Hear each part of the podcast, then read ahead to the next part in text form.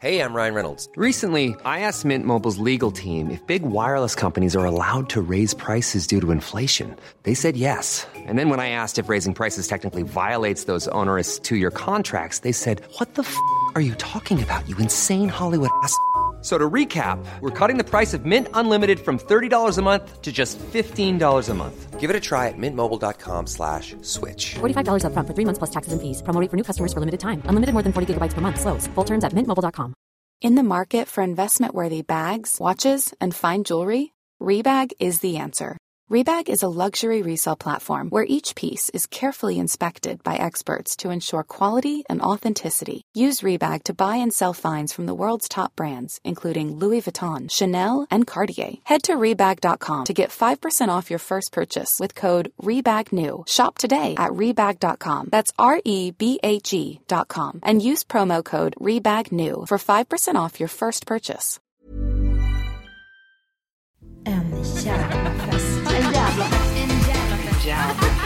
Hej alla party people och välkomna ska ni vara till en jävla fest. Jag som pratar heter Amanda Koldén och jag tror att ni är några som är nya som har hittat hit på senaste så jag kör ett litet intro om mig själv även den här veckan.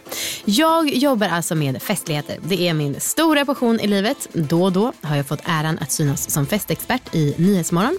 Och jag har den här podden En jävla fest. Sen driver jag också festligt.com, ditt universum för recept på festligheter. Och där säljer jag bland annat färdigpaketerade festliga lekupplägg för olika typer av firanden. Det är som musikquiz, frågesport och lekschema i ett. Där har jag också festliga bloggen som är en blogg som handlar om alltså, tips kring fest och festligheter. Så den borde ni verkligen läsa om ni vill ta del av sånt. Vill ni boka mig för att fixa fest så får man jättegärna göra det. Eller om ni bara vill ha lite konsultation kring koncept och idéer. Jag har för övrigt också precis fixat ett system som man kan göra egna gameshows med. Så jobbar du på ett företag som har panik över vad ni ska göra på julfesten, skriv till mig. Jag har, eh, då fixar jag en, alltså en skräddarsydd gameshow just för er med era färger, er fråga, frågor om er, allting. Och man kan göra det Jeopardy-style, man kan göra det Vem vill bli miljonär-style, man kan göra det quiz-style, man kan göra bingo. Alltså det är helt, helt otroligt. Eh, ni når mig på Instagram, Amanda Koldén, eller på hejatfestligt.com. Veckans gäst det är Kalle Josefsson. Han är mer känd som Långkalle. Och jag skulle våga påstå att han är typ en legendarisk fest och klubbprofil. Eller i alla fall rätt välkänd i Stockholms innerstad. Men jag fattar att ni som lyssnar kanske inte bor här och bara uh, vem är det här? Men lyssna för att det här är poddens mest erfarna festfixare. Så att ni kan verkligen lära er saker av honom. Han är till exempel DJ på Västbanken. Han har fixat efterfest eh, till kronprinsessan Victorias bröllopsfirande. Och han har skådespelat i The Girl with the Dragon Tattoo. Alltså en internationell storfilm. Vi pratar eh, om det i det här avsnittet. Men gud vad härligt för honom att kunna göra så här feta grejer utan att han behöver skriva det på näsan på folk hela tiden. Eh, som en viss annan som jag känner som, eh, ja, jag säger inte vilka namn det är för att hon tycker att det är pinsamt att det är så. Men eh, hon sitter bakom micken helt enkelt. Nu får ni snart höra snacket med Kalle, men först veckans tips från coachen. Och på söndag är det ju fars dag och nu undrar ni hur ni på ett enkelt sätt ska fira och hylla pappan i ert liv. Det vet jag. Fråga ett gäng familjemedlemmar, vänner och bekanta om varför pappan i fråga är en sån himla bra pappa och så skriver ni ner deras svar på lappar. Ge sen de här lapparna, kanske i ett fint kuvert, i samband med en frukost på sängen till pappan. Sen får pappan gissa vem som har skrivit vilken lapp om ni tycker att det är kul eller så får han bara de här lapparna för att det är mysigt och härligt. En vet jag som tog till sig av det här tipset och köpte en flaska vin och knöt alla lappar runt flaskhalsen med ett fint snöre. Det var ju jätte, jättegulligt. Eh, och verkligen någonting som får kategoriseras som festligt. Det här blev ett ganska kort tips den här veckan, men för alla som känner att ni vill ha mer och mer och mer och mer, gå in på festliga-bloggen på festligt.com och indulcha i festliga tips. Men nu, nu kör vi en jävla fest med legendariska Långkalle.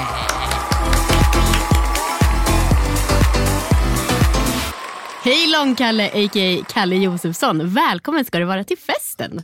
Tack. Du är ju, jag tror, min eh, mest kända men också okända gäst hittills. För du är en internationell superstjärna utan att man vet om det. Just det. Jag är inte säker på varför, men jag, För jag säger att bara du ja. har skådespelat i Girl with the Dragon Tattoo. Det är ändå en internationell storfilm. Just det. Där, där, men det som är största frågan där då är ifall det finns någonting av det som jag gjorde där som skulle kunna kallas stjärna. Mm. Internationell, jag har ju varit utomlands. Nu är det jag som ställer frågorna och inte du. Okej, jag tar tillbaka allt.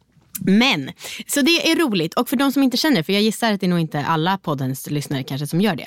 Men du är också, kan man kalla dig legendarisk festfixare i Stockholm eller vad skulle du själv säga? Jag har ju hållit på med fest väldigt länge, så kan vi säga. Mm. Hur kom du in på det? Så här, jag gick i en skola som var ganska liksom, högt i tak på alla sätt. Och då var det några som satt i ett rum i skolan och eh, ringde från telefonkataloger som jag gjorde på den tiden. Så satt de bara och ringde olika nummer och jag var så, vad gör ni för någonting? De bara, Ringde de till "Vi håller dig, på med alltså? Festfixare. Vi är festfixare. Aha. Alltså när jag gick i gymnasiet. Vilken skola var det? Mediegymnasiet i Nacka strand.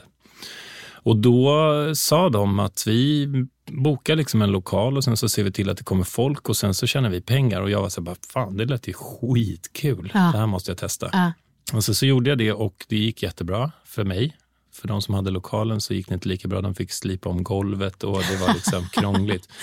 Men så jag gjorde den festen och det var kanske 96.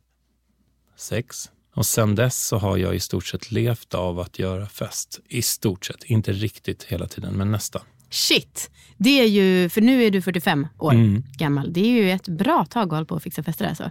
Mm. Och det som är så sjukt, men där kommer vi in i segmentet fyller frågor, det är att liksom festandet inte har satt sig på ditt utseende. Oj. Otroligt. Mm. Men okej, spännande. Vad, om, alltså, alla har ju en olika relation till fest. Jag gissar då att din är väldigt god och trygg och så. Mm. V- vad är en fest för dig? Vilka komponenter tycker du ska finnas? Och skål. Ehm, ja, skål. Just det, jag har fått den här.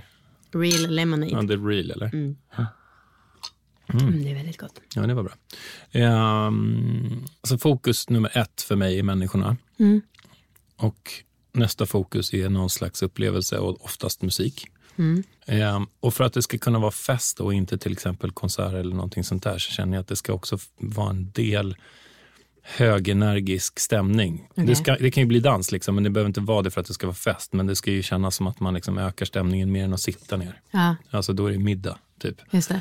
Men eh, det här var ett väldigt torrt svar. Men så känner jag att så här, jag också tänker när jag gör fest. Att jag vill att det ska kännas som att människor träffar varandra på ett sätt som de kanske inte hade gjort annars. Berätta, och hur gör man, eh, alltså hur tänker du när du ska få till de här små komponenterna? Massa sådana fysiska saker som att det ska finnas en eh, tanke kring när, när och var folk kan träffas. Alltså hur nära saker, typ klassiska, mm, alla vet om att det är fest i köket-stämningen stämmer ju ganska bra överens på alla ställen också. Att så här, de bästa festlokalerna man har varit på är inte jättestora tomma ytor utan det är där man får vara nära varandra. Och de enda gånger det passar med stora ytor är när det är så mycket folk så att det ändå blir så att man är nära varandra. För annars så blir det lite så här, det kan ju finnas bra fester där man är väldigt många, en, eller väldigt få i en jättestor yta också, men de är inte lika lätta att få till. Mycket lättare att få till att det är liksom trångt. Okej, så trängsel är liksom en viktig ingrediens. Ja, men fysisk närhet och sen blir det ju trångt och det är bra för att då kan man liksom råka hamna bredvid den där personen som man vill hamna bredvid. Eller kanske hamna bredvid någon som man inte visste att man ville hamna bredvid. Annars är det som att man kan hålla sig undan. Och det är ju, så mellanstadiedisco är det sämsta exemplet när folk står och typ käkar chips hela festen. Just det. Då är det liksom missat allt. ja. All right, okej, och utöver det, något mer? Um, nej, men sen så finns det ju massa olika sätt att trixa så att man får folk att tycka att de kan släppa på tyglarna. Musik är ju det enklaste. Då är ju folk oftast lite sugna på att röra på sig. Ja. Och sen så finns det andra sätt. Alltså, Jag vill ha alltså, liksom- i superdetalj. Du får gärna utveckla alla dina tankar kring det. Ja, men jag, jag, jag jobbar jättemycket med bröllop till exempel. Gör du? Mm. Ah, kul. Och då brukar jag säga till dem att för att få till festen, och då brukar jag inte bry mig så mycket innan middagen. Det får de hålla på lite som de vill. För Ja. fram till middagen så är det lite, det är inte så svårt. Det går ganska bra om det haltar lite fram till middagen. Det är ingen som tänker på det. Men så fort middagen har börjat, då blir, vill man inte ha för många avbrott. Varje avbrott ändrar energin i en fest. Och man vill inte heller ha för stora avstånd sen. Så att om man till exempel ska ha dansgolv så ska jag säga alltid så här, sätt dansgolvet mellan baren och toaletten. Där kommer alla vara. om det är målsättningen att få ett dansgolv. Och så tänker jag när jag är klubb också, att jag tänker att med många liksom misstag som man gör är att man tror att man ska göra världens största dansgolv. Och det är ju coolt, men det är också väldigt svårt. Så att man får ju verkligen se till att liksom inte öppna det stora dansgolvet. Svårt på vilket sätt det där med glesheten? Ja, det är svårt att våga sig ut på ett dansgolv som är liksom helt tomt. Ja, Om man är liksom först på en fest så är det, ju- det är ganska få som har modet att bara ställa sig mitt på dansgolvet. Ja. Det finns några. Alltså, de är ju de som sen drar igång festen, men de är ju ofta ensamma ganska länge. Och sen kommer folk igång och det är först när det är tillräckligt, när har nått en kritisk massa. typ. Men det Och hur mycket också, är den kritiska massan? jag skulle säga att den är mer ett avstånd mellan människorna. Så att när det, har, när det har nått ett avstånd som är typ mer än, mindre än en meter per person, typ, alltså mellan personerna, då vågar folk röra på sig. Typ. Det är typ som man har en så här skyddshinna, en nästan osynlighetsmantel för att man har folk runt omkring sig. Ja, Att exakt. det blir verkligen ett du är en del av ett, IRL-filter. Exakt, du är som liksom en del av ett kollektiv och då känner du att du får vara, liksom släppa på vissa regler som du aldrig skulle göra annars. Sjukt. Det är så jävla fascinerande med eh, grupppsykologin. Mm. Alltså det är ju bland annat därför jag älskar den här podden. För att jag tycker det är så spännande liksom, att lära känna folk utifrån hur de är på fest och, och sådana saker. Eh, en sista fråga kring det här. Hur väljer du rätt gäster? Men jag väljer inte så mycket gäster. Jag brurkar välja innehållet och sen så brukar jag se till att gästerna mm, typ passar in i innehållet. Okej. Alltså jag brukar ju bjuda fest, när jag har fest själv hemma så bjuder jag fest folk, folk som typ så driver. Jag brukar försöka hitta en väldigt bred blandning för det tycker jag är kul. Om jag har fest hemma, för då får jag bestämma. Men om jag har fest på lokal, då brukar jag bara se till att innehållet är så pass smart så att de som kommer eh, har en tillräckligt eh, nära gemensam nämnare. Men inte så nära så att det bara blir en exakt typ, utan jag vill gärna ha en bredd. Liksom. Men ge ett exempel. Men vi har ju, eh, jag och Sverrir har gjort en klubb i 25 år. Det är alltså den här skådespelaren. Alla, alla kallar inte, hänger inte i Stockholms innerstad. Nej, men Sverrir har ju som tur var ett namn som gör att folk vet vem han är ändå. Eh, men han Ni är väldigt jag, goda polare eller? Ja, det är vi. Och han, har, han och jag har gjort en fest som heter Vänner och bekanta, en klubb från början, men nu gör vi den bara en gång per år. Och den festen, där utgår vi från att bygga innehållet så att det blir både oväntat och familjärt. Okej. Vi hade en gång en cirkus som kom på fest. Ja. Och då fanns det liksom allting som man kan göra kring en cirkus. Du vet, så här, kasta bollar i en clownmun eller du vet, någon som cyklar på enhjuling. Ja. Och det gör ju jättemånga obes, alltså superobekväma med cirkus. Alltså Det är en väldigt sån vattendelare eller vad man säger. Men, men det blev ett roligt annat element i den festen och sen så är det ett ganska vanligt popband på scenen. Och det, den blandningen gör att man får dit folk som i vanliga fall kanske inte träffar varandra. Och den, det mötet är ju det roliga. Det är inte så roligt att träffa alla de gamla bara. Det är ju jättemysigt, men det är ännu roligare när man har träffat någon ny.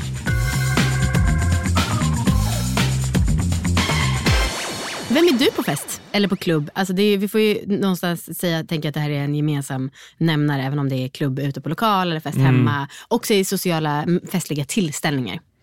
På jobb så är jag den som står och ser till att allting flyter på. På eh, privat så kan jag vara den som tar mycket energi. Eller du vet, tar mycket energi. Tar mycket plats då. Att det är liksom, jag kan vara den som startar dansgolvet. Ah, okay. Eller mm. liksom den som drar igång mm, födelsedagssången. För att du tycker är. att det är kul eller för att du ser det som din uppgift? Jag ser det lite som min uppgift, men jag tycker också att det är kul. Alltså jag kommer ihåg till exempel på Hultsfred något år som vi hade, vi brukade alltid åka till Hultsfredsfestivalen, ett ganska stort gäng. Och sen så var det som att det liksom inte hände någonting när de stängde festivalen på kvällen. Då är det liksom jag och min brorsa som ställer sig på, uppe på en stor mm, pallhög och bara eh, drar igång en slags trum eh, grej. Alltså det här känns ju så jävla patetiskt när man är vuxen, men då var det väldigt kul. Och så kommer det liksom så här 200 pers som bara ställer sig runt och dansar och hjälper till typ och trummar och grejer. Så att vakterna till slut tvingar oss att sluta typ och drar ut oss på en äng istället. Drar ut oss på en äng. Ja, men då fick vi fortsätta och det var ju, det var ju väldigt roligt. Men att det är som en sån här äh, typisk plats där jag tar jag liksom försöker hitta eh, något kul och så försöker jag dra igång så att alla hakar på. Ja. Typ så. Och det är ju, tänker jag, är både störigt och kul.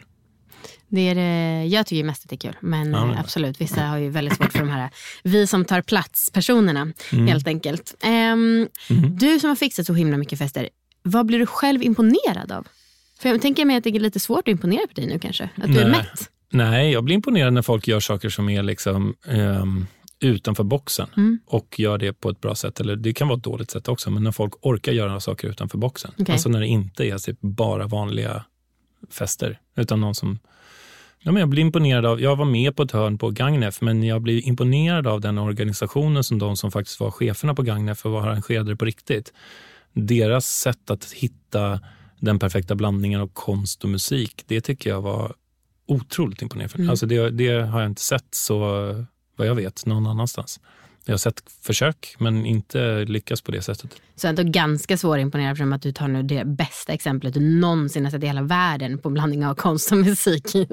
Ja, ja men jag vet ju att PLX också har gjort någonting, men det har inte varit. Men, men att det är så här, jag vet, det kan vara det, men nu tog jag det bästa exemplet. Ja, men ja, jag blir ju imponerad av folk som gör liksom kul grejer överhuvudtaget, men då kanske det är på en väldigt liten nivå. Liksom. Men hur är du på så här en middag där man pratar om de vanliga sakerna, typ amortering och Mm. liksom bilen går bra? Prata mer. Nej men är du, blir du, då, vad tycker du om det? Nej, men alltså, vad fan, jag är väl också intresserad av att se hur man liksom sköter sin privatekonomi. Det är kanske inte är så sexigt, men jag blir nyfiken för att jag också har lån. Perfekt. Vad har du för lån? Hur mycket ja. är de på? Ja, men de är ju på typ halva min lägenhet i varje fall, så det är ju jättemycket pengar. Och det, ju, det blir ju liksom dubbelt så dyrt nu att leva, så att det Jo tack. hårt. Ja. Vad, eh, har det sett likadant ut genom åren? Har det liksom alltid varit den här eh, som jag känner dig, ganska extroverta sociala killen eller har det varierat? Men jag har varit samma person hela tiden, men jag har funkat olika bra. Jag tror att jag blev, blivit lite bättre på att läsa av situationen när jag är äldre. Alltså jag ska inte säga att jag är superbra, men jag är liksom bättre. Och när jag var yngre så kunde jag inte riktigt fatta varför folk tyckte att jag var störig som typ hoppade in och var så här, hej hej. Ja, tyckt, har du fått höra det mycket? Ja, men, ja, fast jag blev ju bättre på det. Men jag, när jag var yngre så kände jag mig verkligen inte liksom hemma i sociala situationer på det sättet att jag kunde liksom bara komma in och lösa situationen. Utan då var det snarare tvärtom, att jag kom in och var så här, varför funkar inte det här? Typ. Och sen så förstod jag väl kanske mer och mer hur, hur man beter sig för att folk ska känna sig bekväma eller något. Ingen aning. Jag tror att jag har liksom någon släng av ADHD eller något, jag vet inte. Men att det är liksom ofta jag som är sist kvar med mest energi. Ja. Eh, och det är ju inte alla som pallar det. Jag har haft um, en eh, tjej nyss här som bor i LA och hon sa att alla som flyttar till LA börjar bry sig så mycket mindre om vad folk tänker och tycker för att det finns liksom inte samma snäva regelverk. Så absolut, jag köper det men jag är också så jävla less på svenskhet. Alltså i vissa aspekter, jag tycker många saker är fantastiskt men i det här att man, om man tonar ner och bla bla bla. Men då får väl de gå hem om de är på en fest och någon är jävligt eh, festlig, eller? Ja, men jag tycker att det är kul när de som inte är vana vid det där eller som känner sig trygga med det där, att det liksom är för mycket, eller vad man ska kalla det, ehm, också får vara med i det. Så att om, om man kan lägga sig på en nivå där de känner sig trygga i att jag åtminstone inte måste ta del av det, men jag kan ändå vara med på ett hörn och det är lite kul att titta på det här knäppa som händer. Om de stannar kvar så känner jag att det är en win, för att jag tycker att det är roligast om alla känner sig liksom delaktiga.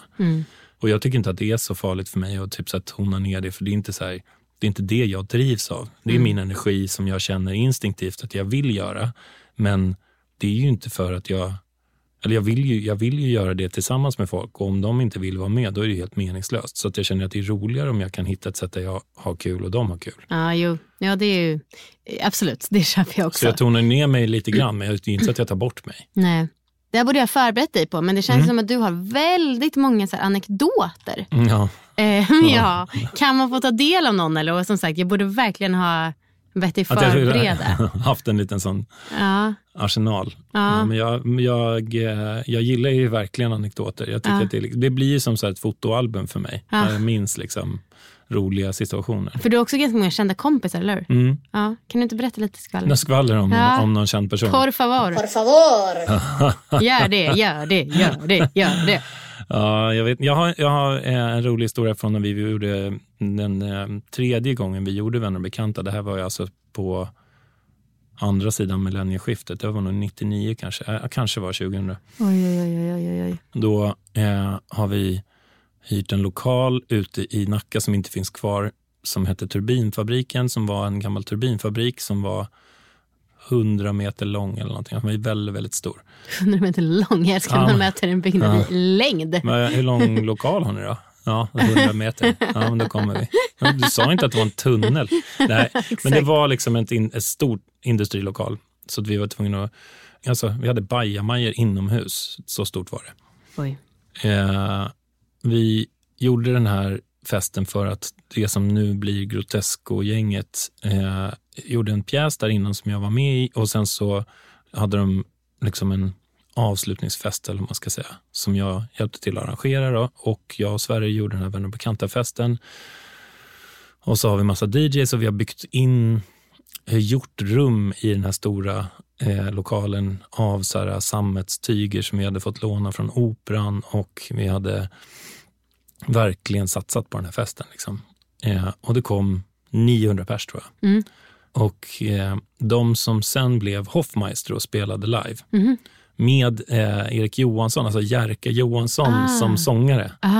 Eh, och det, det var en väldigt, väldigt kul eh, kväll för den var så här eh, när man tittar på vilka som var där nu i efterhand så är det ju väldigt många av dem som är på tv nu som var på den festen och gjorde saker som de kanske inte gör just nu.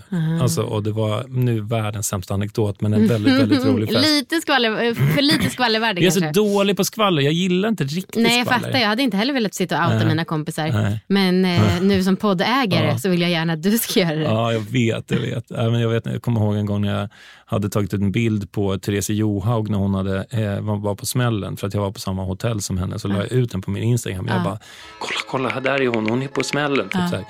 Kommer ihåg Sverrir, han bara, Kalle, sluta. Det är bara töntigt att du håller på och lägger ut bilder på kändisar på din Instagram. Lägg av.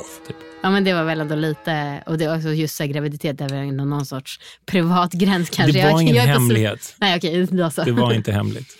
Det var ute i media.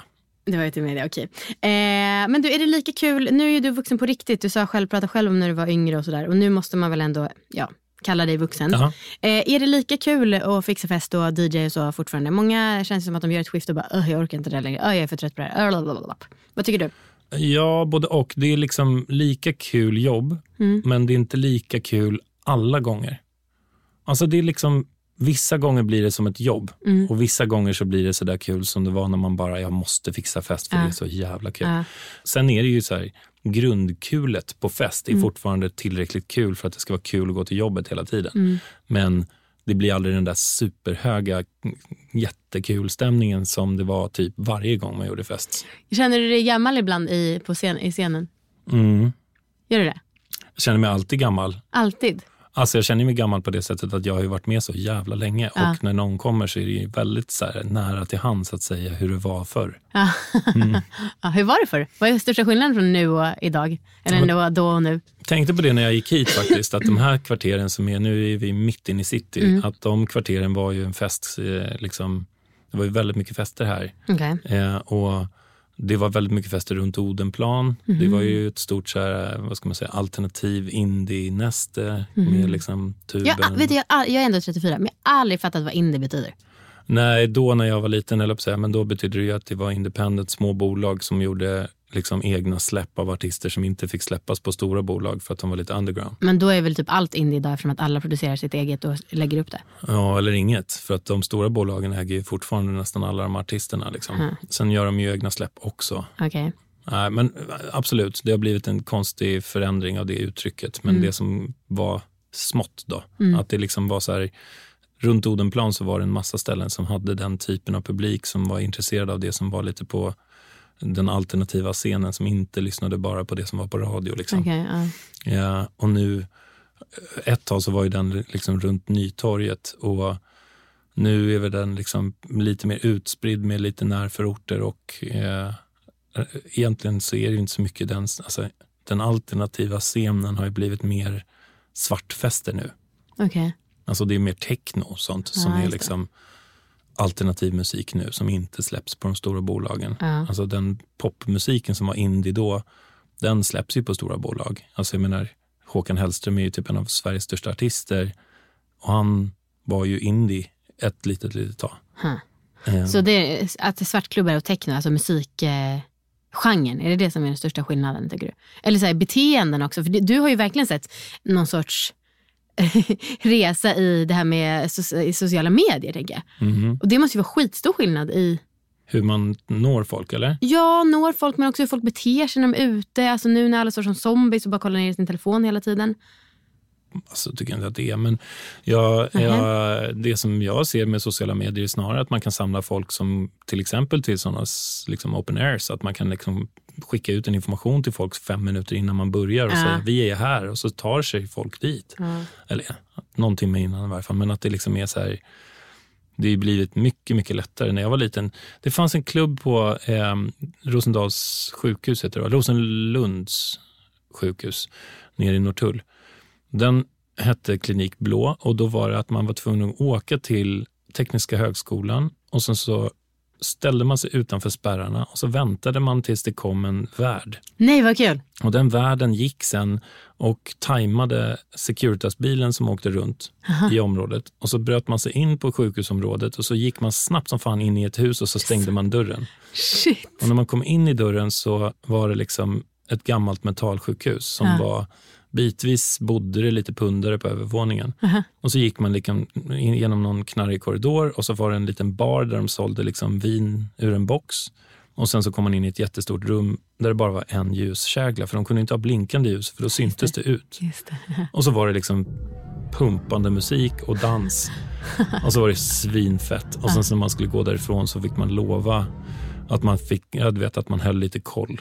För att annars så kunde de åka dit. Lov på heder och samvete. Det var en kompis till mig som hade gått fel utifrån den där festen så skulle han gå, trodde han då, till tunnelbanan. Men han gick istället ner på spåret, ner till de här tågen som går till, ut till liksom Vallentuna och sånt där. Och så eh, fattar han inte vilket håll han ska gå åt så han bara går åt något håll, hamnar någonstans där det bara är helt dött. Liksom. Och där står en, en, ett avställt tåg, så han går in och lägger sig. Hjälp. Och så vaknar han dagen efter och så ska han gå ut och han bara, vad är det här för någonting? Då är det liksom en sån här gammal, typ från andra världskriget, typ. alltså en sån här riktigt, Oj. riktigt gammalt tåg med såna här gamla filtar och grejer där han har sovit. Och så går han ut och han bara, fan det är som ett jävla museum. Och när han kom ut så tittar han så på skyltar där det är så avspärrat på grund av smittskyddsobjekt. Åh gud, som i Last of Us-känslan nästan. Verkligen den stämningen. Fy. Eh, alltså jag tycker inte heller att folk är zombies vill jag bara understryka. Men jag är väldigt trött på att alla, alltså vi pratar ju lite om det. Alltså så att det kän, jag som har hängt en del i ja, men, influencervärlden, eller har Mm. en liten, liten fot inne där. Eh, är ju så less på att det känns som att det är så mycket som bara görs för att det ska se bra ut på bild. Ja. Och det ogillar jag ju väldigt mycket. Ja, men det är tråkigt. Det pratade om med min mamma igår faktiskt, att det finns liksom ganska många sådana grupper som är så här helt insyltade på jag är influencer så att jag måste hela tiden se allting ur, ur en liksom Instagram-fyrkant. Eller att det är så här, nu ser det inte bra ut på bild, nu är det så här, alltså no offense, men du har ju ställt upp saker på ett sätt som gör att det blir fest här inne. Ja.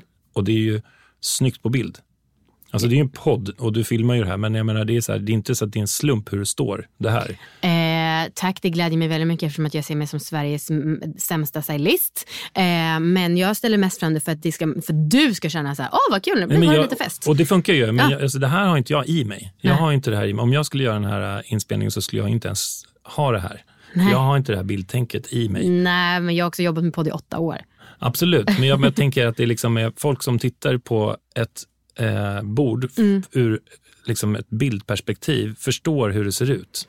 Jo, men, det här, men det här är inte, jag tror inte ens att det syns på våra kameror. Okej, här, så alltså- det här är props för mig för att Ja, jag ska känna mig precis. fest. Ja, men Som då är det när något du- annat. Ja. Ja. men det finns andra som gör så att de liksom ställer upp saker så att det blir bra sen när de ska liksom ta bild på, foto, på frukosten. Eller Ja. vad det kan vara. Och så finns det andra som tänker så i text, att Mm. de är jätteduktiga på att korta ner saker så att de är jättelättsmälta och att man förstår vad de Just det, säger. ja. Att det är så här, man är skitbra på one-liners Mm. för att man tänker så. Eh, och att det är liksom, man styr sin hjärna efter så sociala medier på ett sätt som är helt omedvetet i Ah, början. Ja, men det. Eh, men du, vad är det för... ehm, eller, för jag har skrivit här också, kan vi prata om vårt gemensamma hat mot Instagramfester? Mhm. Eh, Men du verkar inte vara så... Um, nappar liksom inte riktigt på min eh, aggression här. Nej, men alltså, jag hatar ju sådana fester. Jag verkar värst det, jag var vet. bara, det var bara det jag ville höra. Nej, men alltså... Åh, Och jag- det menar jag, det måste du ändå ha märkt att det har ökat. För det fanns ju liksom inte Instagram på 99, klockan, eller år 99. när Men jag går inte på de fest. festerna. Jag vet att de har ökat, men jag Ja. blir inbjuden till dem ibland och så känner jag bara, åh, det här kommer bara vara typ ett foto-op. Ja. Det är så här, alla delar av den här festen kommer vara delar av ett bra foto. Mm. Och det är för tråkigt. Och då går folk runt, tar de där bilderna, dricker sin gratis kava och sen så går de därifrån. Mm. Och så är de jätte, många jättesnygga och så bara försvinner de. Ja. Det är det tråkigaste jag kan tänka mig. Alltså. Hatar det. Jag har sett det. Jag har växt upp i det. Jag hatar det. Tack. Då har vi enats som jag ville. Ehm, vilken, kan du välja en fest som du har ordnat eller en klubb som du har ordnat som du är absolut nöjdast med och varför? Jag gjorde ju kronprinsessas bröllop. Eh, Men va? Ursäkta, du, som sagt du är den mest okända kändisen. What the fuck? Gjorde kronprinsessans bröllop? Va? Här eh, måste det komma en liten fortsättning. För att Jag och en kille som heter Steven var ansvariga för klubbdelen av eh, den stora folkfesten kring kronprinsessans bröllop. Eh, Så vi gjorde typ 14 dagars fest, eller ja, det var 14 dagar med liksom första Avicii-spelningen och typ med eh, massa internationella stjärnor som dök upp och det var jättekul, men kallt, för det var jättekallt. Okej. Så här, juni 2010, gör ingen fest då utomhus för det, var, det blir kallt. Eh, och då gjorde vi, avslutningsfesten var extremt speciell. För då var, var det så här, vi hade ingen budget och mitt under Ni hade själva- ingen budget till kronprinsessans bröllop? Jo, vi hade jättemycket budget för själva fest, eh, liksom klubbdelen. Men sen så kom vi på, eller de som var liksom högst upp i organisationen kom på att vi måste ju ha en avslutningsfest. Och då var de så här, vi har inga pengar till det. så då var det typ någon som lyckades trolla fram pengar på ett högst märkligt sätt. Där vi till slut då fick pengar. Och jag fick typ ringa Basement Jacks och säga ni måste komma och spela på kronprinsessans bröllop. Och de var så de bara, Det låter kul. och så kommer typ så här, ja men Mike Snow, Basement Jacks och Erik Prytz. Och Erik Prytz är så flygrädd så att han hatar verkligen att flyga. Eh, men vi var så här, det går inte om du inte flyger, du kommer inte hinna. Så att du kan inte ta tåget eller köra bil, det går liksom inte. Så snälla, snälla, snälla, snälla flyg. Vart bor han? Eh, han bodde väl säkert i Stockholm, men han var inte i Stockholm. Okej. Då lyckades en av mina då chefer fixa så att han fick poliseskort eh, från Arlanda och då tyckte han att det var så mäktigt så då kom han. Eh, så då gjorde vi en fest uppe på Operaterrassen, alltså den terrassen som är utanför Gyllene salen ut mot eh, Gustav Adolfs torg. Mm. Med DJ-båset var där uppe och så var det liksom 40 000 pers som stod på Gustav Adolfs torg och dansade. Men och gud. man såg över till kronprinsessans privata fest och de stod också på balkongen och tittade. Liksom. Men så det här var liksom en, det var folkfesten som du sa, inte att prinsessan var inbjuden? De hade egna DJs inne på slottet som Okej. var liksom inhyrda Ah. eh, för att göra deras privata fest. Okej. Men folkfesten gjorde vi. Shit, hur får du ett sånt här uppdrag? Och har du mer såna här sjuka historier som får mig att säga what the fuck? Jag har säkert massa sådana historier, men jag fick jobbet för att jag har jobbat med staden med olika event. Men gud. Vad får, Mm. man, vad får man för sånt gage när man genomför fest för 40 000 pers? Eh, jag tror att jag fick en, en liksom, eh, så här eventlön, som, eller lön, jag har ju alltid varit egenföretagare, men att jag liksom skickade en faktura på x antal tusen, jag kommer inte ihåg vad det var, säg att det var liksom 40 000. Alltså det var inte så att jag fick mer pengar för att det var mer folk, utan det var så här, en månads jobb i stadens tjänst. Typ. Ah, okay. Men shit, vad, ja, det är ju, vad kul att träffa någon som jobbar med såna här saker. Det gör man inte så ofta tycker jag. Eh, och vad tycker du är roligast med en sån sak? Då? För där är det svårt att tänka på hur 40 000 pers ska mötas kanske. Ja, fast den ändå inte, utan det var ju verkligen en sån folkfest som gjorde att vi kunde hitta ett...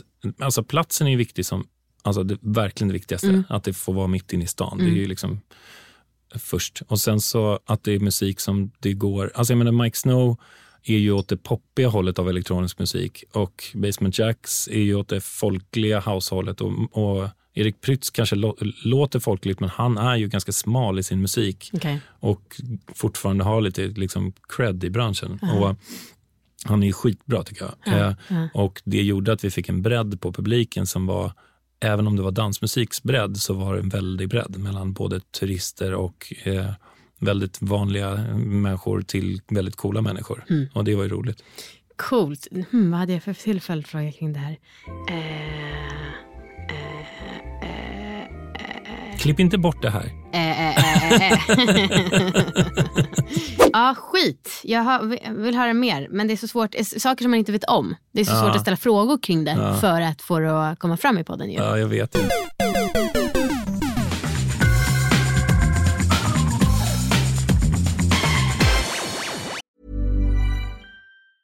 In the market for investment worthy bags, watches, and fine jewelry, Rebag is the answer. Rebag is a luxury resale platform where each piece is carefully inspected by experts to ensure quality and authenticity. Use Rebag to buy and sell finds from the world's top brands, including Louis Vuitton, Chanel, and Cartier. Head to Rebag.com to get 5% off your first purchase with code REBAGNEW. Shop today at Rebag.com. That's R E B A G.com. And use promo code REBAGNEW for 5% off your first purchase. Hey, I'm Ryan Reynolds. At Mint Mobile, we like to do the opposite of what Big Wireless does. They charge you a lot, we charge you a little. So naturally, when they announced they'd be raising their prices due to inflation, we decided to deflate our prices due to not hating you. That's right. We're cutting the price of Mint Unlimited from $30 a month to just $15 a month. Give it a try at mintmobile.com slash switch. $45 upfront for three months plus taxes and fees. Promo rate for new customers for limited time. Unlimited more than 40 gigabytes per month. Slows. Full terms at mintmobile.com. Jag är väldigt glad och tacksam över att Läkarmissionen är med som samarbetspartners till den här podden och eh, även till Heder och festmoral i några månader framöver. Och eh, Läkarmissionen är som ni säkert vet en religiös och politiskt obunden internationell biståndsorganisation. Min och deras förhoppning under det här samarbetet är att så många av er som möjligt ska bli månadsgivare och rädda liv. Jag kommer att berätta för er hur enkelt det är att faktiskt vara med och rädda liv framöver och vilka insatser som Läkarmissionen huvudsakligen jobbar med. Men först tänkte jag börja med att skryta om den otroliga premie du får om du blir månadsgivare med mer än 100 kronor per månad och gör det via mig. Du får en massagekudde från Flowlife. Alltså en, jag har en själv och den är verkligen helt otroligt och jag har för mig att de har till och med fått priser för att det här är liksom the one and only massagekudde. När du då blir månadsgivare så eh, går du in på läkarmissionen.se autogiro snedstreck Amanda bindestreck Koldén. Lyssna noga. Läkemissionen.se snedstreck autogiro snedstreck Amanda bindestreck Koldén. Då går du in där och när du blir då månadsgivare mm, eh, 100 kronor eller mer så kommer du få en unik rabattkod. Och den här använder du vid beställningen av eh, massagekudden. Eh, ja, ni kommer få lite instruktioner när ni väl har signat upp på att bli månadsgivare. Helt enkelt. Och jag kan också skicka den här länken till er om ni skriver till mig på Instagram såklart. Sen när man fått rabattkoden då går man in på flowlife.com och så väljer man massagekudden Flow Pillow. Eh, när du kommer till kassan så fyller du i rabattkoden som då ger dig 100% rabatt och dina adressuppgifter måste du såklart fyllas i och därefter så skickas massagekudden Premien från Läkarmissionen hem till dig. Vi hörs snart igen med mer info om Läkarmissionens viktiga jobb. Men till att börja med, stort tack Läkarmissionen för att ni vill vara med mig igen. Jag ser verkligen fram emot det kommande halvåret mer. Och alla ni, gå in och bli månadsgivare nu. Ups, jag sa fel. Det kommer kosta er 29 kronor om ni beställer den här massagekudden, vilket ni såklart ska göra. Det är för att det inte går att ta bort fraktkostnaden rent tekniskt. Men jag tänker mig att ni nog kan stå ut. Det hoppas jag verkligen. Dels för er egna skull, för att massagekudden är asskön och såklart för att du är med och räddar liv om du blir månadsgivare. Festliga frågan. Nu, det här är festliga frågan. Det är en fråga som handlar om att fixa fest som är från eh, mina följare eller mig själv som jag valt ut just till dig. Eller mig själv. Ja. Eh, vad är dina absolut viktigaste tips för att fixa en bra fest? Och du får säga max fem, Max minst fem tips. tre. Ja, men jag har sagt några stycken att jag tycker att man ska tränga ihop folk och så Ja. hitta en kulturupplevelse eller en annan, det kan ju vara quiz, liksom, men det är liksom en upplevelse som eh, enar folk, alltså som gör att folks avståndet mellan människor minskar både fysiskt och mentalt. Ja, och sen så tycker jag att det är kul om man känner sig hemma i, i, i eh, alltså mat och dryck och sånt där är svinviktigt, men det behöver ju verkligen inte vara det viktigaste. Men det behöver vara, tänk, man behöver ha tänkt på det. Så att det känns som att folk eh, inte blir så här, måste jag ta med mig mat eller något sånt där. Men det, det här är så basic grej, men det är ju det som är tricket. Så här, träng ihop folk, låt dem göra någonting de tycker är kul och där inte någon känner sig utanför. Och så bara gör det intensivt. Men jag tycker att folk eh, missar så här väldigt, väldigt basic saker. Alltså som så här, ha vatten tillgängligt och typ också musik. Alltså det är, jag var på en, ehm, jag vill inte outa så att jag måste säga lite kryptiskt. Mhm. Men jag var på en grej som var, hade med fest att göra kan man Mm. säga. Och det var liksom ingen musik. Det var bara Mm. en person som satt och snackade. Och stämningen hade höjts med 50% om det var en liten högtalare där bakgrund som hade lite musik. Men sånt tycker jag folk missar också. Jag tycker det finns ett så jävla bra DJ som spelade på eh, Spybar under typ kanske tio år så spelade han där typ varje dag som heter Pikat. Jag känner inte honom för fem öre, men han var så jävla proffsig. Han kunde liksom spela dygnet runt, höll jag på det känns som att han var där dygnet runt, men spelade väl säkert liksom från 01 till 05 varje typ onsdag, torsdag, fredag, lördag i tio års tid. Oj, det är mycket. Hade alltid massa, massa folk och så var han så jävla duktig på att spela så att han ibland spelade låtar som folk inte brydde sig om så att de började beställa i barerna. Det är jävla smart. Verkligen. Och så finns det också en så här, som jag har lärt mig genom åren också, som gör att om man tittar på hur nära folk måste vara för att kunna prata med varandra. Ja. Om de håller ett avstånd på typ mer än 40 centimeter, Ja. då är det liksom trivsamt i början. Aha. Om de håller ett avstånd på mer än 40 centimeter när det är för sent, då är det liksom för långt. Så då ska man försöka få huvudena att komma närmare varandra vid samtalet så att de börjar närma sig varandra fysiskt. Aha. För då måste de också höja rösten som gör att de blir torra i halsen och sen börjar dricka mer. det finns fan knep för allt. Så då kommer man liksom över den där tröskeln som gör att festen bara lyfter. Shit. Och det är så jävla roligt att se det där 40 hända. centimeter, the magic number. Typ. Men det är roligt att bara tänka det avståndet. För jag menar, man vet ju själv att när man måste stå och hålla någon typ över örat och skrika, Mm. då är det liksom jättehög volym. Och ibland är det perfekt och ibland är det det värsta som finns. Ja. Jag har ju av en slump här, eller jag ska använda det sen, med Mm. en måttband. Så nu mäter jag upp här 40 centimeter. Ja, vi har ju du, minst det dubbla just nu mellan oss. Men Ja, vi vi också typ in podd. 80. Ja. Och så har vi också hörlurar. Ja, så att vi hör vad vi säger varandra ändå menar du? Ja. Just det. Mm, absolut. Um, Okej, nu dags för mitt favoritsegment. Fyllefrågor! Fyllefrågor. Frågor som jag är nyfiken på men inte hade vågat ställa om jag kanske inte hade haft två eh, enheter i kroppen. Nej. Och när vi pratade om det tidigare så kommer Mm. jag tänka på den här frågan. Vi som båda älskar den här känslan av eh, pirr i luften och liksom Ja. förväntningar och så. Ja. Jag kan börja med att erkänna att jag saknar skitmycket att få flirta liksom hej vilt med Ja, folk ja. och inte vara singel. Ja. Vad känner du inför det? Ja, det är ju jävligt häftigt att Mm. få känna den där känslan av att det är så här, nu är det någonting som Mm. uppstår här. Mm. Och så är det ju det liksom totalt förbjudet när Mm. man är ihop med någon. Mm. Eh, så absolut, det kan jag också sakna. Det är ju bara att man får liksom hitta det i någonting annat. Men det är ju krångligt att inte liksom bli imponerad, eller vet, vad heter det, så här, intresserad om Mm. det är någon som uppenbart flörtar med en. Det händer ju när man spelar skivor. Mm. Alltså, det Att blir folk flörtar med dig? Ja, men alltså, det kan ju vara rent fysiska grejer. Folk som du vet, tar en på kuken, typ, att det händer. Mm. Jag hade en riktigt grov sån situation när jag spelade på technobastun en gång. Eh, och då eh, kommer det fram en tjej och frågar om hon ska suga av mig när jag spelar skivor. Okej. Och eh, då är jag så jag bara, eh, nej tack, men alltså min tjej står här. Och så stod Ida bredvid mig. Liksom. Aha. Eh, hon sa, hon får vara med. så generös. det var en bra lösning. Liksom. Ja. verkligen, älskar Ja. henne. Öppensinnad. Ja, verkligen. Okej, men eh, du sa att man löser på annat sätt. Hur löser man det då? Nej, men jag får ju massa in, eh, liksom, energi av mina barn till exempel. Det är Åh, jättetråkigt. Gud, jämförde Ja. du just flört med en Ja. vuxen människa. Man Ja, hänger med är ju dina barn i väldigt likt. parken. Nej, inte i parken. Men den där känslan av när de står och tittar tindrande på sin pappa och bara wow, typ så, Ja, är ju jävligt häftigt också. Och det är ju inte samma känsla, jag vet det. Det, ju, det blir ju inte riktigt lika så här magiskt som Nej. den där känslan. Men vad ska man göra? Man kan inte gå omkring och flirta sig igenom, det blir för jobbigt. Jag eh, föreslår en gång i kvartalet för min kille att vi ska öppna upp relationen lite. Och hur tar han det? Jag har ju lyxen att jag gjorde den här podden Allvar ligg förut. Ja, ja. Eh, så att eh, vi, har ju, vi är ju vana vid att prata om sex. Ja. Ja, många är ju rädda för att föreslå sådana här saker för sina Ja. partners för att de ska bli arga. Ja. Men för oss är det väldigt naturligt att vi pratar om det. Han hade inte den podden va? Nej, Nej. men vi har lärt oss att Ja. prata mycket om sådana här saker. Du har blivit van vid att han har blivit van på får att höra. bara ta det. Ja. Ja. eh, nej men han tycker inte att det är en bra idé men jag tycker att det är, när man kan ha kakan och äta upp den så tycker jag att det är konstigt att man inte väljer att göra det valet. Nej, jag förstår det. Jag tror att den där tanken är, är ganska vanlig hos Mm. folk. Speciellt när man är liksom fått barn och att man liksom kommit in i någonting som är väldigt så här, Den här tanken har orienterat. funnits innan också.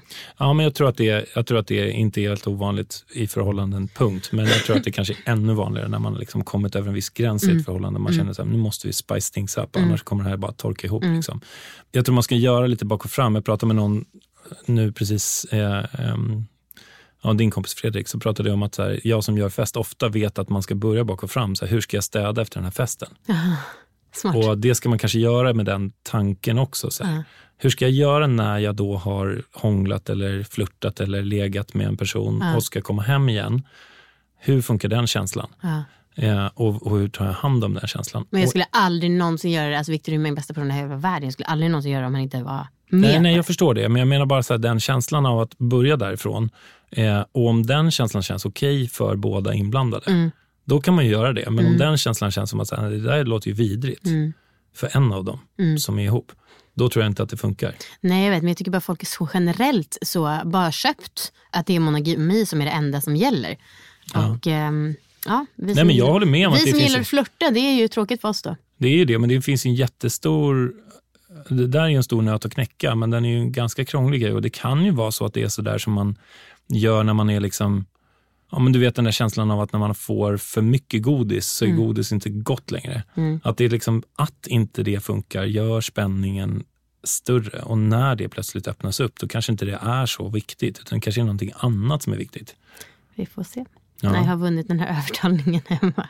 Nej, men alltså, testa. Och ni som inte känner mig, alltså det är lugnt. Mitt, mitt förhållande är jätte, jätte, jättebra. Eh, men ibland så blir folk oroliga när man håller på skämt och så här. Men jag känner mig väldigt trygg i att Viktor vet att jag pratar så här och det liksom, Ja, ja nej, men alltså det är ju, jag tror att det är jättemånga som tänker så här. Så det är ingen dum, jag tror att det är, det är ingen liksom dum tanke att lufta. Frågan är bara hur man gör det som en praktisk görbar grej. Jag i ett återkommer. förhållande. Ja, Jag återkommer. Berätta. Eh, du, apropå den där frågan om eh, får jag suga av dig samtidigt. Var en gemensam bekant som undrade om du hade blivit avsugen någon gång när du har spelat. Har du det? Nej, jag har, inte blivit, jag har inte tackat ja till det någon gång. Nej. Har det, vad, är det, vad är det mest grova som har hänt då? Ehm, Jag har haft en, eh, också, nu kommer tusen anekdoter, du får bara ta det. Yes, please. Jag spelade på ett bröllop som var väldigt fancy. Det, Mhm. Namn? Ja. Ja, men jag, familjen som ägde restaurangen som heter Fäviken bokade ja. mig och eh, chartrade ett helt flyg med människor och eh, jag fick Fäviken för mig själv. Eh? Men alltså gud, det är så här, wow, ja, vilket typ, liv. ta vad du vill, stämningen. Så här är nyckeln till vinkällaren. Typ. Men då eh, spelade jag i flera dagar Ja. på det här bröllopet. Men sista dagen så var det en fest med tema John Bauer.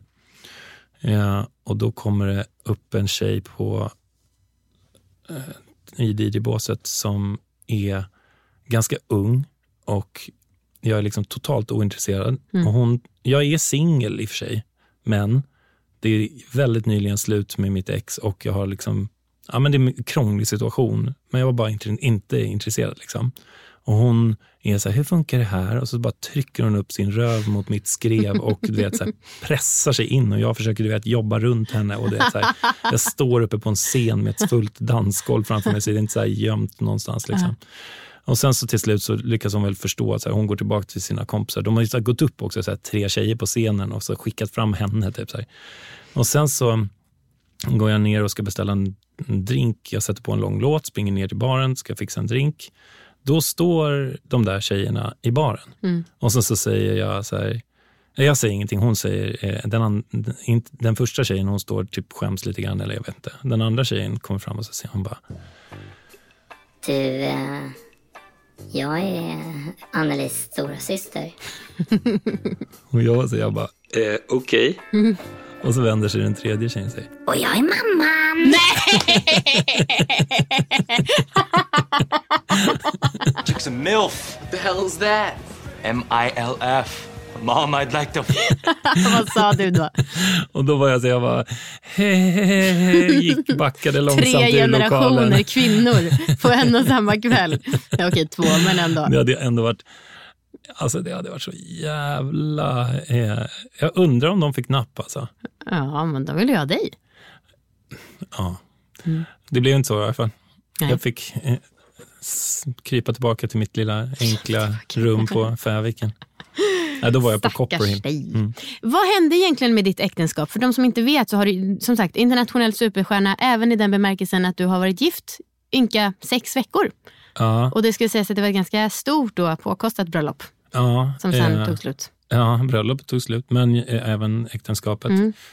Alltså, vad var frågan? Vad hände? Alltså det som hade hänt innan var att vi hade ett förhållande som jag upplevde som var på väg att ta slut. Mhm. Och sen så kom vi tillsammans fram till att om vi gifter oss så kanske det förändrar någonting. Jag var lite mer tveksam till det kanske. Mm. Eh, men var, jag var verkligen inte intresserad av att göra slut för sakens skull, utan jag var intresserad av att testa allt. Mm.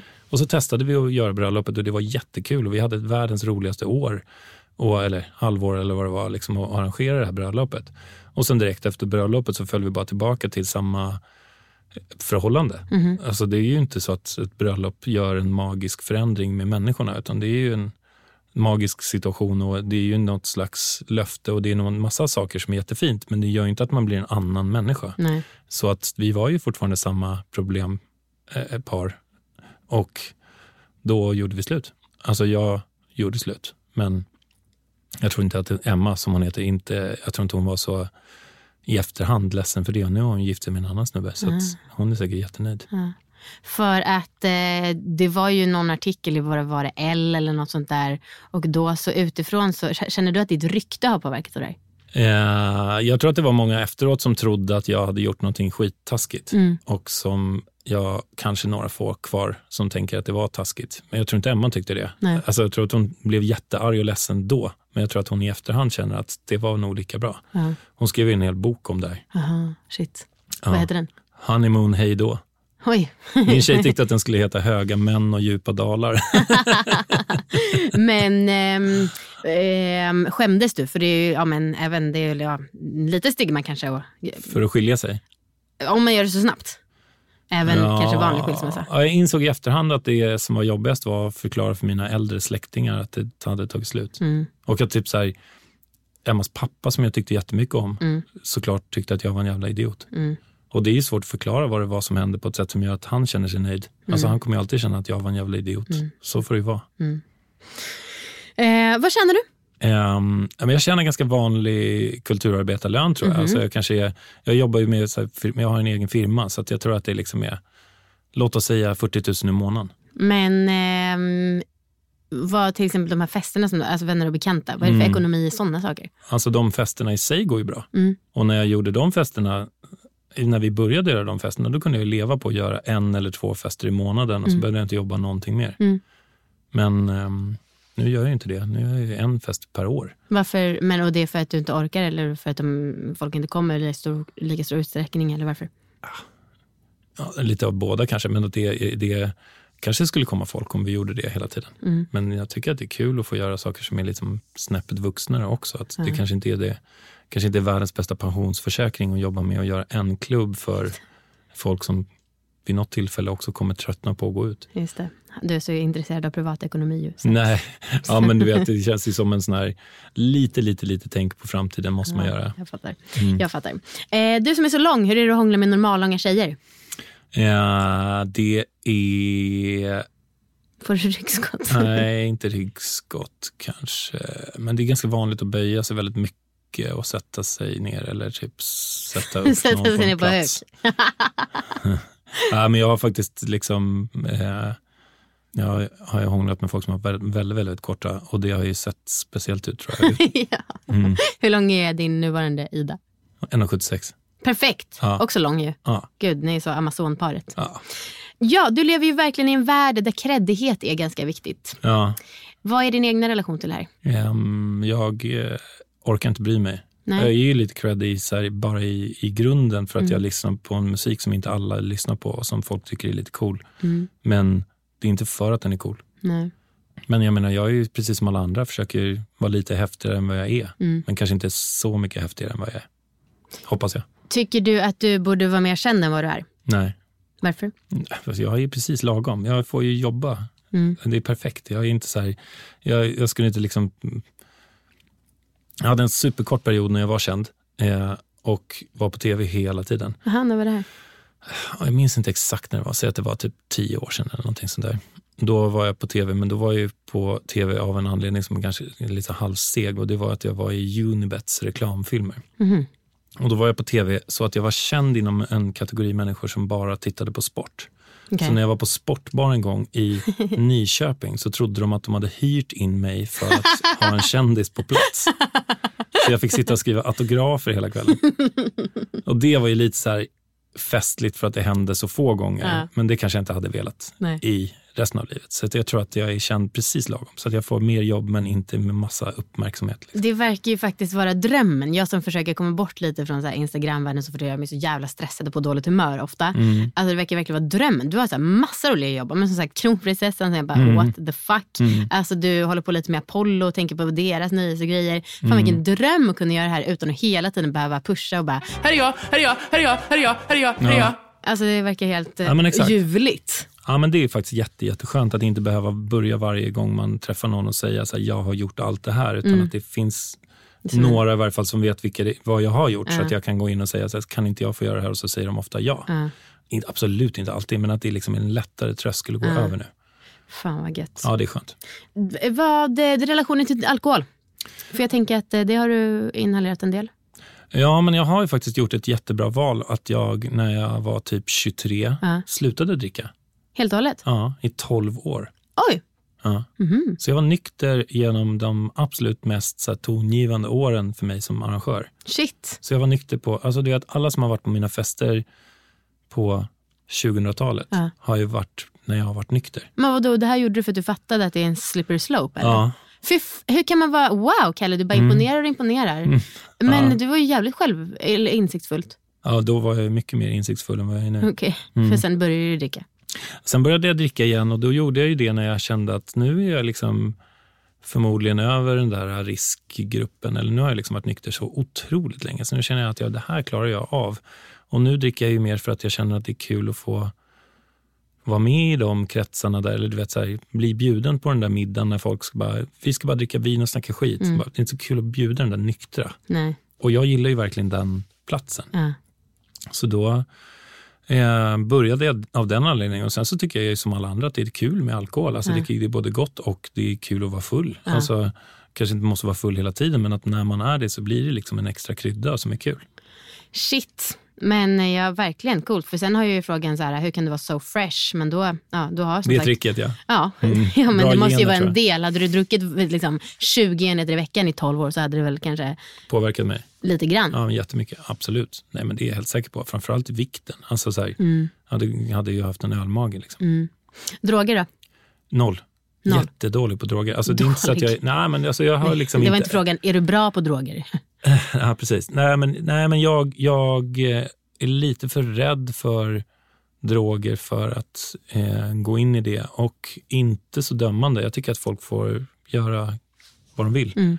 Och jag kanske inte är det mest liksom, alarmistiska kring att drogerna dödar förortens barn. Eh, men jag brukar inte ge så mycket pekpinnar. Folk får göra det de gör. Mm. Men du håller inte på. Nej, Nej. aldrig gjort. Coolt, vilken exemplarisk festarrangör. Det är mitt utlåtande efter den här intervjun.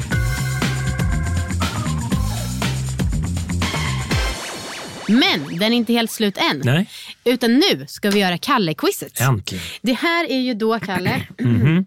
ett minimusikquiz. Som med tre låtar och eh, som är baserat på ditt liv. Mm. Du kommer förstå vad det har med dig att göra när jag läser följdfrågan. Ja. Totalt kan man få nio poäng. Det kan Nio vara så poäng. att jag har gjort en bonuspoäng till dig så att du kanske kan få tio poäng. Jag kommer inte ihåg Coolt. exakt. Okej, klara, färdiga, gå. Oj. Jag känner igen den. Känner du inte igen den här låten? Nej. Va? Men jag är också jättedålig på låtar som har funnits på olika topplistor. Okej, jag spolar fram lite. Ja, det här har jag hört. Det måste du ha hört. Ja, men den där slingan har jag hört. Kunna umgå.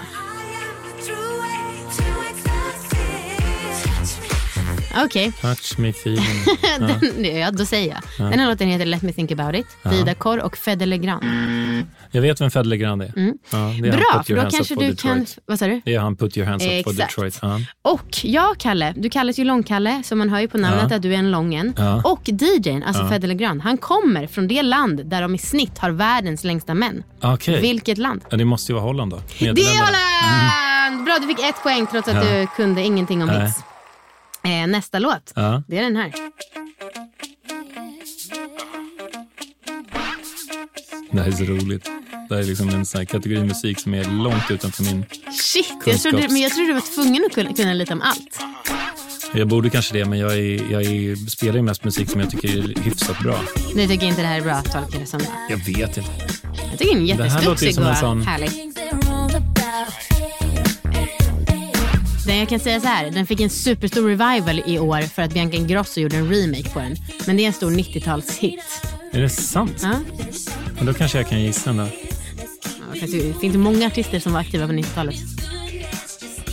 Okej, du får väl höra refrängen då bara för att... Ja, du måste ha lite handikapp.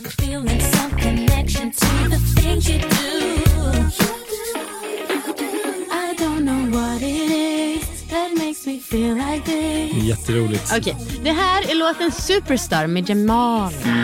Jamil.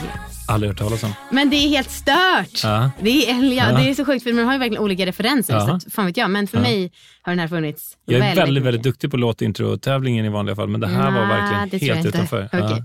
Den här frågan då. Ja, som sagt, du är ju egentligen den största superstjärnan som jag har haft här eftersom att du har skådespelat i The Girl eh, with the Dragon Mm. Tattoo med världsstjärnan Daniel Craig som Mhm. också är James Bond. Mhm. Vad hette den senaste James Bond-filmen? Absolut ingen aning. Men Kalle, du kan för jag- mycket om fest och för lite om annat. Men jag är så otroligt dålig på så här mainstream... No, no time to die. Ja, okej. Mr. Bond. James Bond. Det är den. Ja, då har du hittills ett poäng. Tack. Jag är väldigt nöjd med dem. Sista Den. låten i Kalle-quizet. Ja. Lång-Kalle-quizet.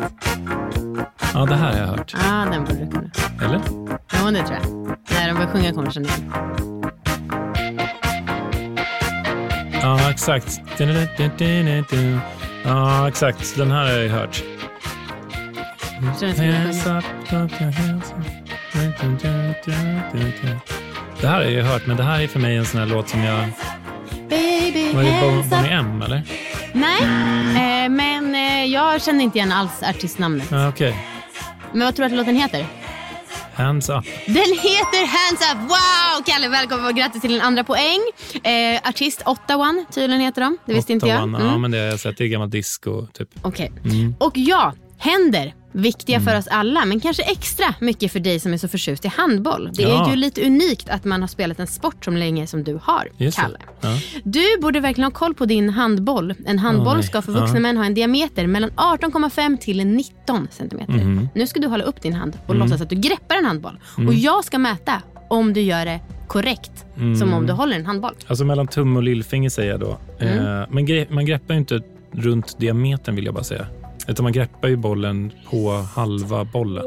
Så att min, Typiskt. mitt vanliga handbollsgrepp är inte att jag hinner, jag når liksom inte runt en halv handboll. Så det kommer inte vara 19 utan det här kommer vara...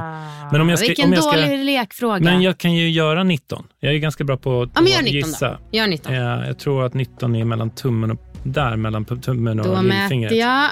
Och det är ganska bra, det är 20 centimeter. Men i det här quizet har jag också skrivit att du får en felmarginal på 1,5 centimeter. Så att du fick ditt tredje poäng. Grattis! Äntligen. En dub- eh, bonusfråga. Eh, 19 centimeter, vad är det i inches?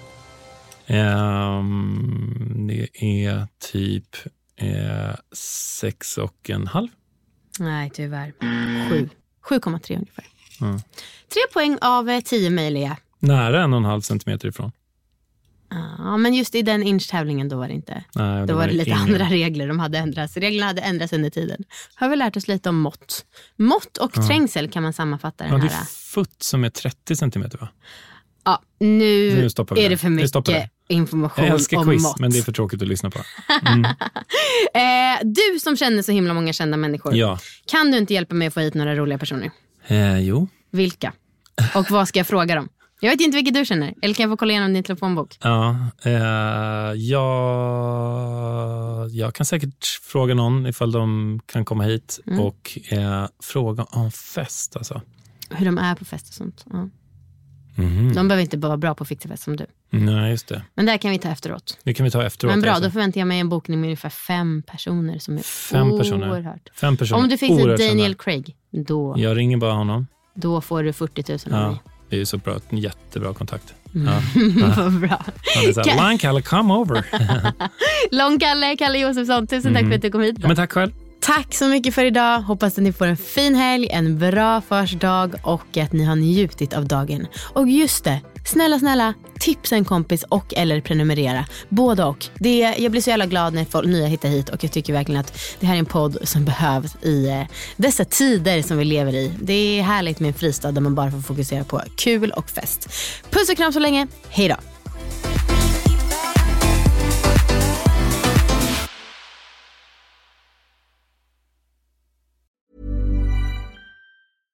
Imagine the softest sheets you've ever felt. Now imagine them getting even softer over time. That's what you'll feel with Bowl and Branch's organic cotton sheets. In a recent customer survey, 96% replied that Bowl and Branch sheets get softer with every wash. Start getting your best night's sleep in these sheets that get softer and softer for years to come. Try their sheets with a 30-night guarantee. Plus, get 15% off your first order at bowlandbranch.com. Code BUTTERY. Exclusions apply. See site for details. Even when we're on a budget, we still deserve nice things. Quince is a place to scoop up stunning high-end goods for 50 to 80% less than similar brands. They have buttery soft cashmere sweaters starting at $50, luxurious Italian leather bags, and so much more. Plus, Quince only works with factories that use safe, ethical, and responsible manufacturing. Get the high-end goods you'll love without the high price tag with Quince. Go to quince.com slash style for free shipping and 365 day returns.